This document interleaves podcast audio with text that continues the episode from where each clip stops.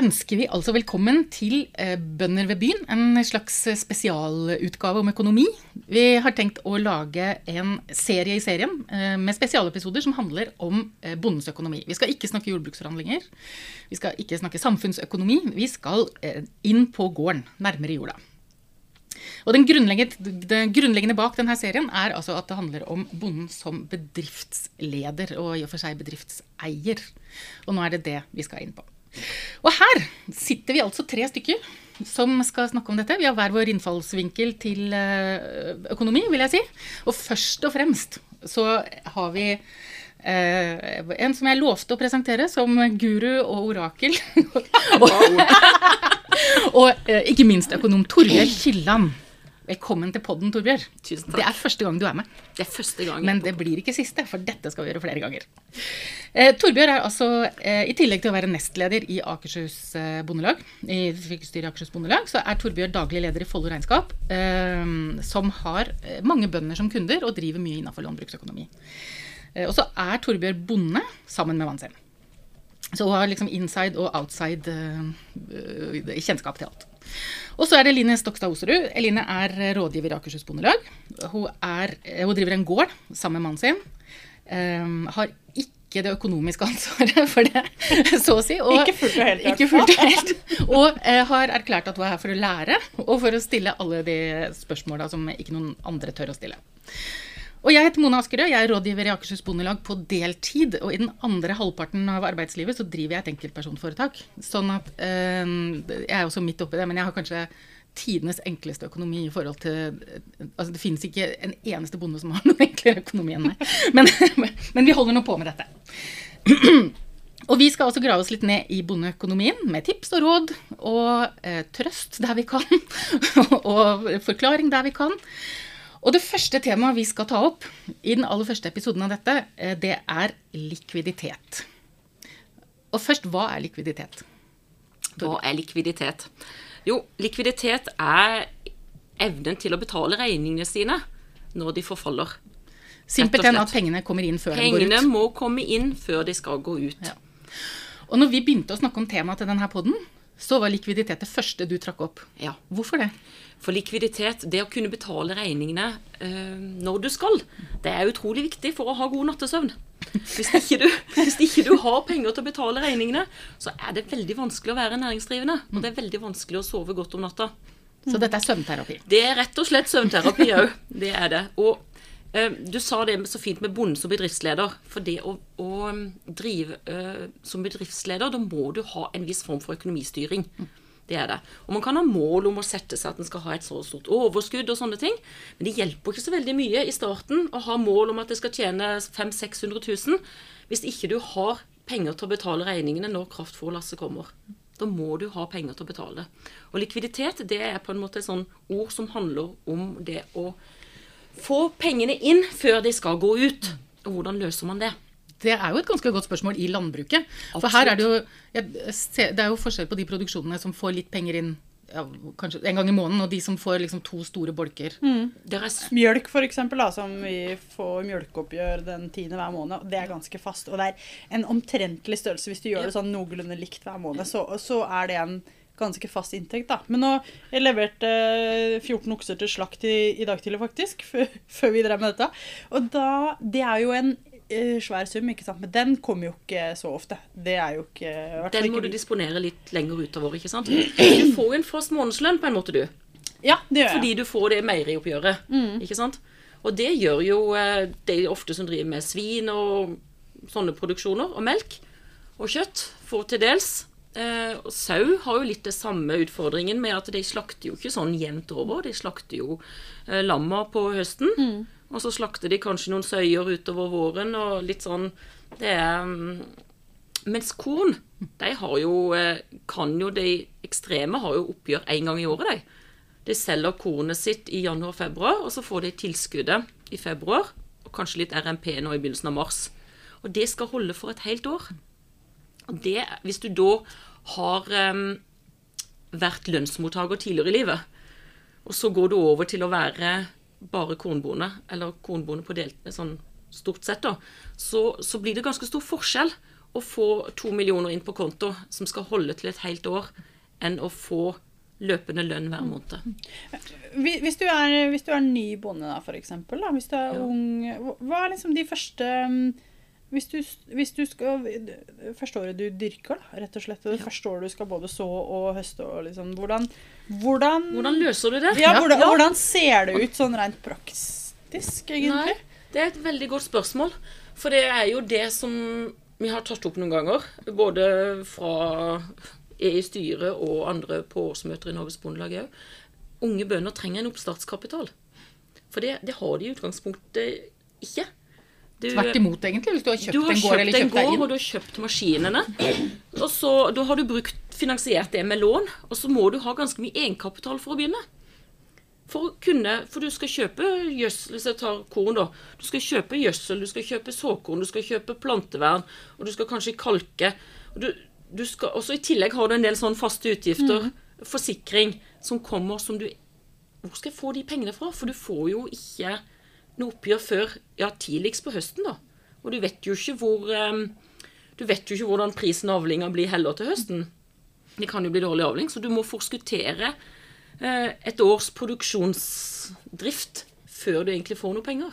Så det er stor risiko. Så du må ha egenkapital. Og de pleier å si til alle de som Altså, bruk egenkapitalen din til, til drift, ikke nødvendigvis putt den inn i gården. For du trenger den egenkapitalen til løpende driftskostnader. Og så er jo bankene fleksible med å gi deg driftskredittordninger og kortsiktige lån. Men det er litt sånn kjipt å begynne første året med å eh, være langt på minus.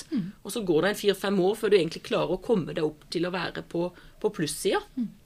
Og på forskudd, da. Det handler om å være på forskudd litt og ha inntektene før kostnadene. Når du begynner, så har du kost, alle kostnadene før du får inntektene. Så det er, det er ganske kritisk. Når jeg kom, eh, kom hit til Ås for eh, snart 25 år siden, så var det mer vanlig ved generasjonsskifter at foreldrene ga tilskuddet, som kommer da i februar, eh, som gave til junior, eller dattera, som begynte. Da var på en måte, ja, ok, det, de ga avkall på det. Og tilhørte drifta, på en måte. Tilhørte drifta, men tilskudd blir jo utbetalt etterskuddsvis.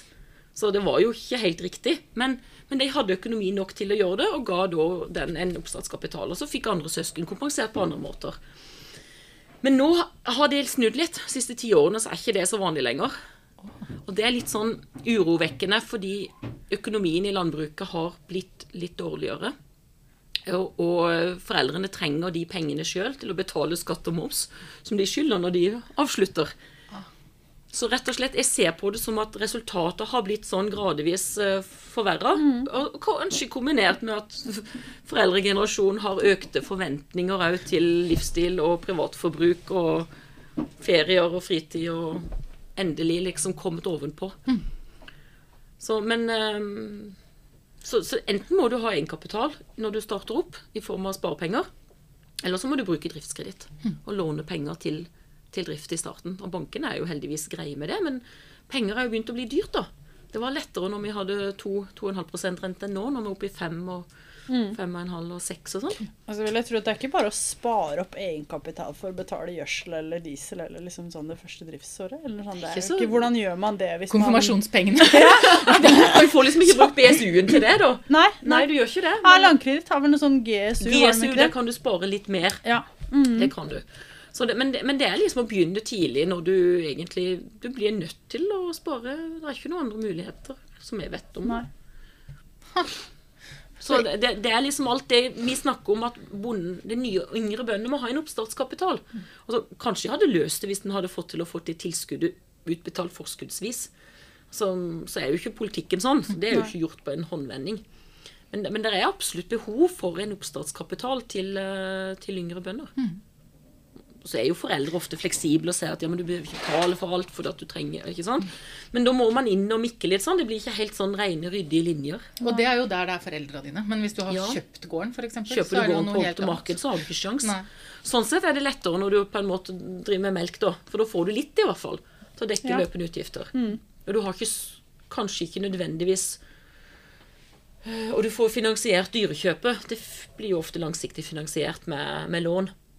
Så Men det har jo også kraftfôr og servicer. Ja, ja. Og? Og Det, er ganske, det, er jo, det er jo mye mer pengestrøm inn og ut på en måte Ja. i en sånn eh, også, da. absolutt. Sånn det, der er mm, mer omløp på kapitalen. Men for meg som ikke driver en gård, hvis du skulle sagt liksom hvor mye penger, hvor, hvor mye omsetning er det i et gjennomsnittlig gårdsbruk i Akershus? Går det an å si noe om det? det Altså, hvor, mye penger, hvor mye penger trenger jeg i startkapital? Det For varierer jo også veldig. Ja. Både fordi vi er forskjellige mennesker, og eh, fordi at det er størrelse på bruket. Nå snakka jeg med, med en bonde nettopp som sa det at du, nå sitter jeg med, med to millioner på bok. Nå har jeg fått tilskudd og har solgt kornet mitt. Bør jeg betale ned lån? For jeg har masse lån, sier han. Eller bør jeg eh, la de stå? Eh, og så kan ikke jeg som rådgiver si det ene eller det andre, men jeg må bare fylle oppfølgingsspørsmål og spørre ja, hva, hva har du em, em, Har du tenkt å investere noe fremover? Har du noen planer det siste, neste halvåret? Året? Nei, han hadde investert nok, så han skulle ikke investere noe mer. Ja, og spør, Har du oversikt over hva du trenger av, for å betale regningene dine frem til neste gang du får kroneoppgjør? Eh, ja, eh, frem til, jeg, klarer meg, jeg klarer meg akkurat. Jeg har kanskje 100 150 000 i, i pluss frem til oktober når jeg får neste kroneoppgjør. Og da sier jeg at ja, da bør du ikke betale en langsiktig lån. Har du en gårdskreditt, så kan du putte pengene inn på den, for da sparer du renta. For det kan du ta pengene ut igjen. Men hvis du har på en måte et vanlig annuitetslån eller serielån, så tror jeg kanskje du bør um, drøye det. Du, da, da er på en måte det en størrelse for ditt bruk. Og det, det er en litt sånn øvelse, fordi eh, jeg brenner jo litt for å lage likviditetsbudsjett. Det høres veldig tungt ut og vanskelig, men det behøver ikke være det. Men det, er litt sånn, det var jo egentlig det han bonden hadde gjort. Han hadde satt seg ned med blokka si og eh, Og telt over Ja. hvor mye som skulle ut. over og sagt på en måte det kommer da, det kommer den måneden, det går ut da. Og så litt sånn sum hver måned til sånn faste ting som alltid skjer. Det skjer jo alltid noe uforutsett og, og sånne ting. Så han hadde laga en likviditetsbudsjett, han. Uten at han egentlig skjønte det sjøl.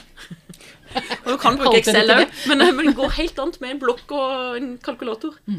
Rett og slett for å skaffe seg oversikt. Da har jo jeg en Eureka-opplevelse. Dette går an. Fordi altså, når du sier det nå, så har jo vi gjort det hjemme. Ja, ikke sant? Rett og slett. Men, og det, handler, sant? Det, det, det handler jo litt om på en måte, når samtale med banken og Ja. skal søke lån og litt sånne ting. Og, sånn, og, og, det, er- og de spør litt sånn Ja, har du oversikt? Og da kan vi jo faktisk nå si at ja, det har jeg veit om. Og, du, og jeg, du må jo ikke være ned på krona, ikke sant? Eller sånn, Må bruke men hele ha 10 000, liksom. Ja.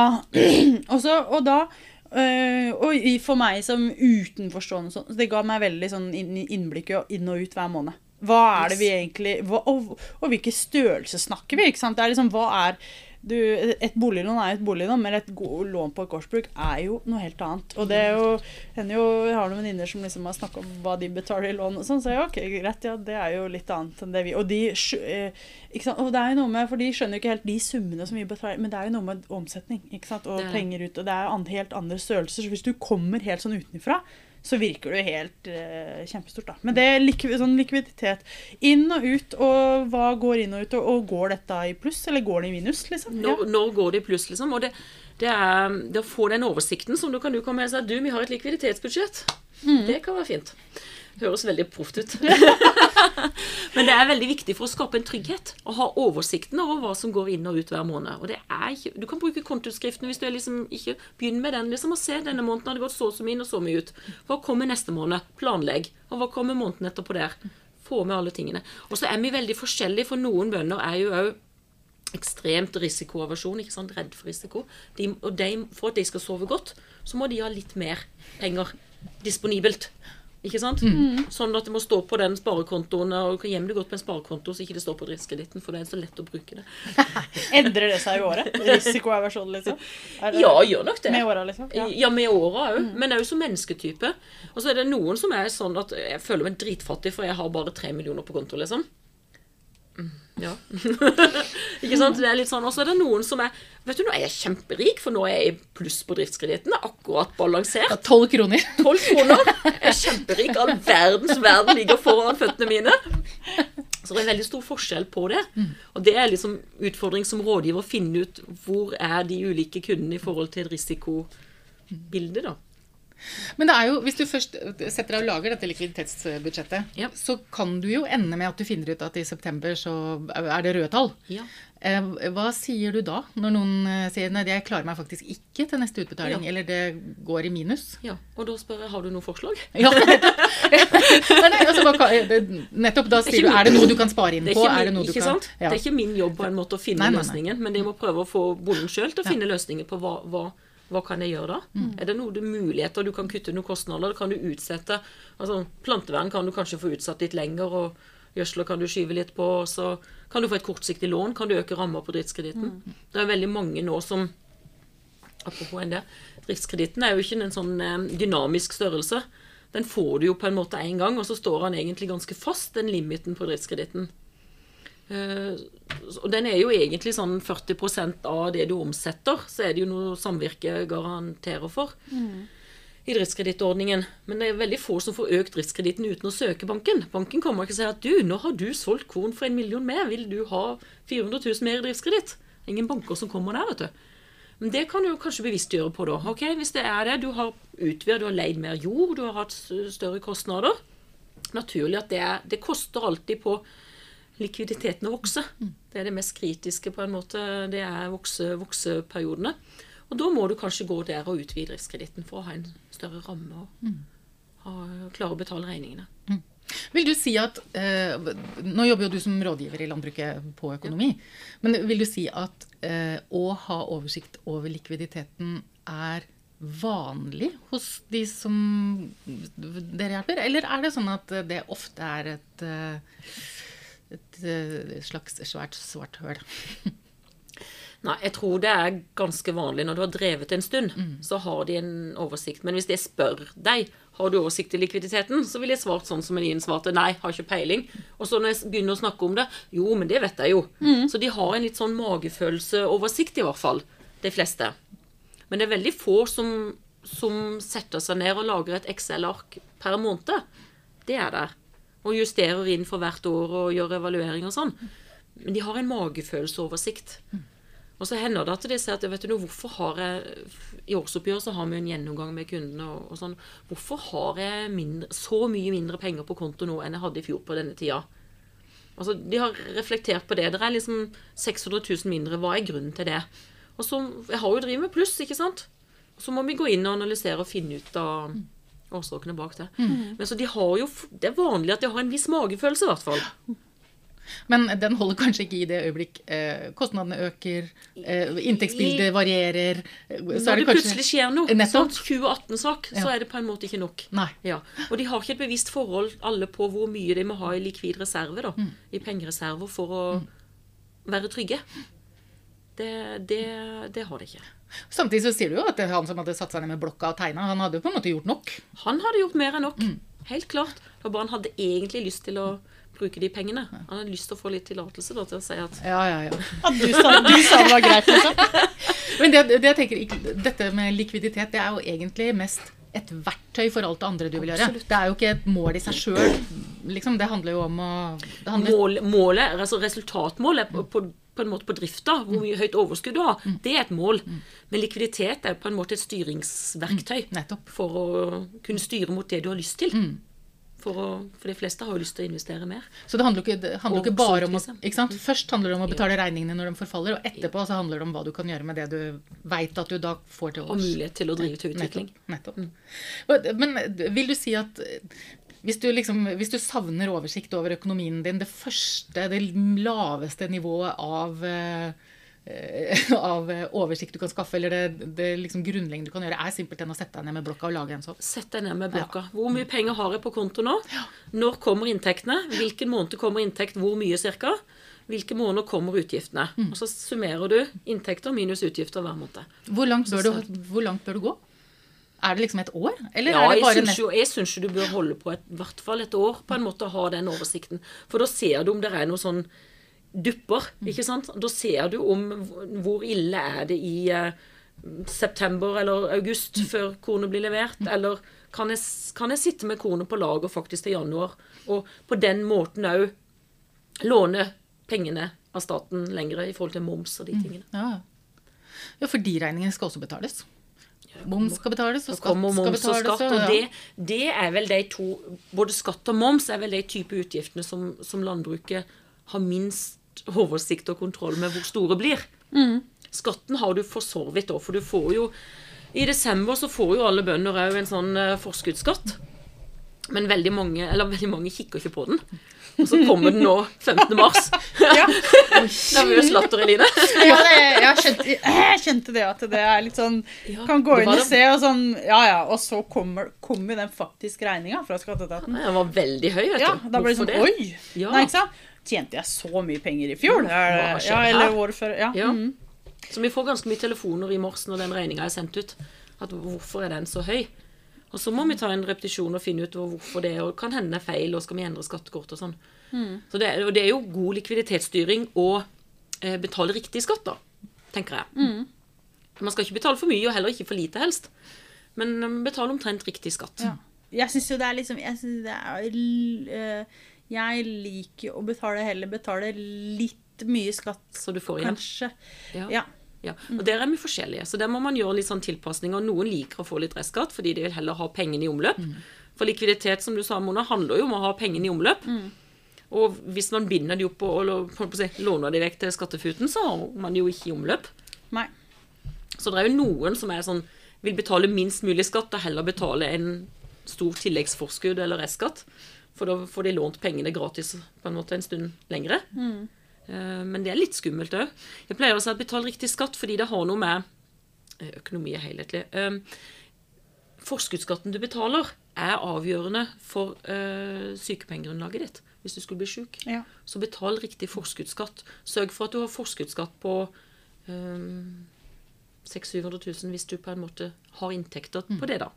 Så hvis du er den at ikke du liker å betale for mye forskuddsskatt, så trenger du ikke å sørge for at den blir så veldig mye høyere enn det. Men er ikke det så stort problem i landbruket, da? Det, Men hvis du f.eks. er ny bonde, og sånn, så er det jo ikke alltid du eh, det er ofte så, året så trenger du egentlig ikke betale så mye forskuddsskatt, for Nei. du kommer ikke til å gå så fryktelig mye overskudd. Nei. litt sånn begredelig sagt, men um, du Men- har så høye renteutgifter og så høye driftsutgifter og inntektene når ikke du får tilskudd. Mm. Så, Men du burde jo Det er jo men får sykepengedekningen din, Ja. hvis ikke du har noe lønnsinntekt utenom, så bør du ha litt forskuddsskatt. Og hvis du skal være så uheldig å få barn eller sånne ting, liksom, så er jo det, det er jo Da må du hive deg rundt og Ja. få betalt og endre skattekort og få betalt uh, Mm. Det har ganske mye å si, altså. Og det er litt sånn Veldig. som kom Og det kommer litt sånn overraskende litt på, på fordi at du ikke har Du har liksom ikke det, så foreldrepenger og liksom sånne ting. Og ja. Og det sier jeg. Hvis du tar en graviditetstest, eller kona tar en graviditetstest, det første du skal ringe etter du har sagt til ektefellen din, det er regnskapsføreren din. Hvordan løser vi dette nå? Hvordan gjør vi det nå? Ja. Ja, men Det er seriøst, altså. Ja, men det er ikke sant, du har jo kanskje Du har et litt annet fokus hvis du er ung bonde, og, Mm. og drifta er liksom Og så, altså, og så går det jo på en måte greit, da. Også, men når du da eh, ja, Hvis du får I det øyeblikk du trenger eh, de sosiale godene som Yes. folk Ja. har, Ja. så er det mm. dem, Og dem kommer ikke bare sånn som de gjør når du har fastlønn. Nei. Nei, det gjør ikke det. det. det gjør ikke det. Men første året så er Nav ganske fleksible hvis du regnskapsfører, dokumenterer og regnskap og sånn, og ikke har da uheldigvis Ja. fått betalt forskuddsskatt. Så det, det fins løsninger. Men, men du må jobbe litt hardere for å få det. Men generelt sett så tenker jeg sørg for å betale forskuddsskatt rundt 6G, liksom. Det er litt sånn optimalt. Og så skal vi snakke veldig mye mer om skatt og moms Ja, og ja, alt sånt der i sånn, seinere ja, høve, men det er kjempeviktig. liksom. Og, Og så har jeg lært eh, på, av en annen regnskapsfører at eh, hvis du først lurer på hvilke regninger du skal prioritere, så skal du prioritere de fra det offentlige. Er For det er ingen som tar så mange eh, selskaper til skifteretten som det offentlige. Og det er samme hvor liten eller stor du er.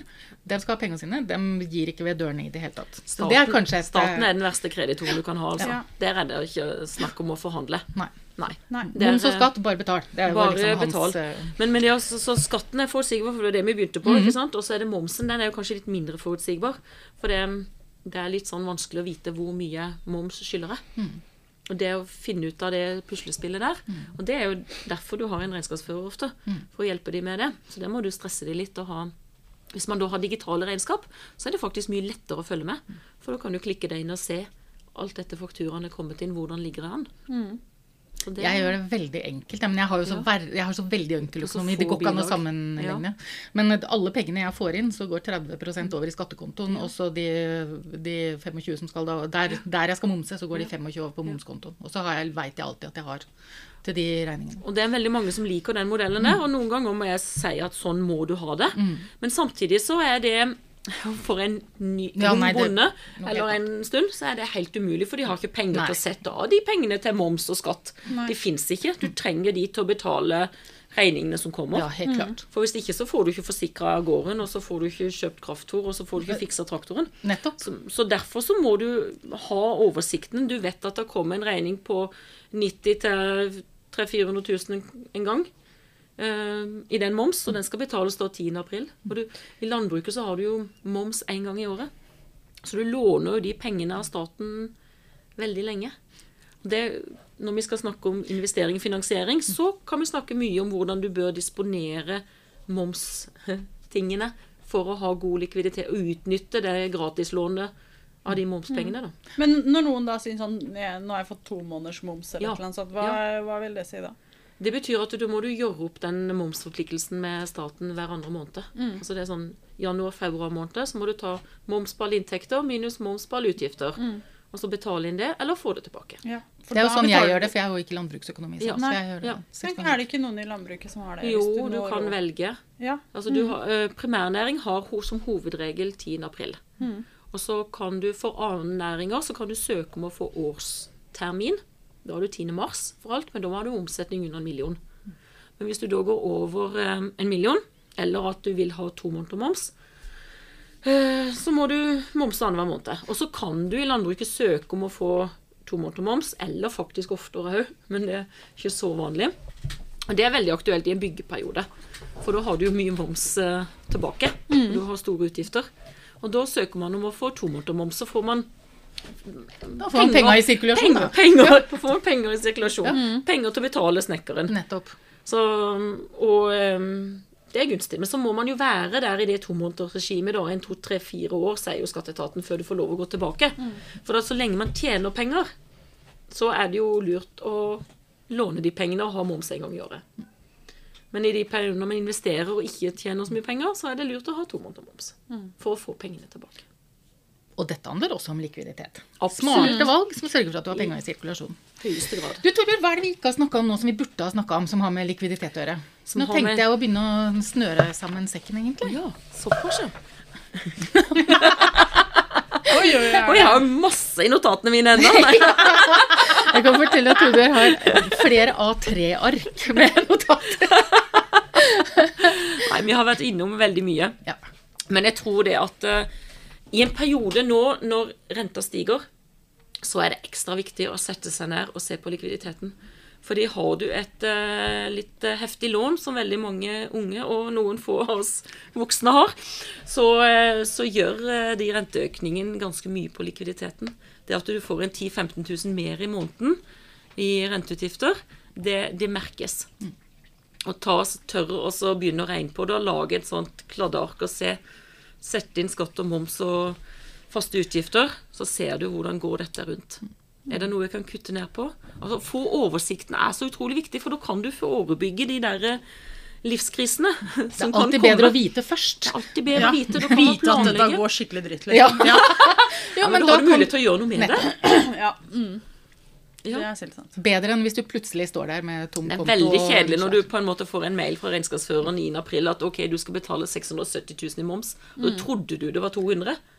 Ja. og du har ikke penger til det, Det er litt seint.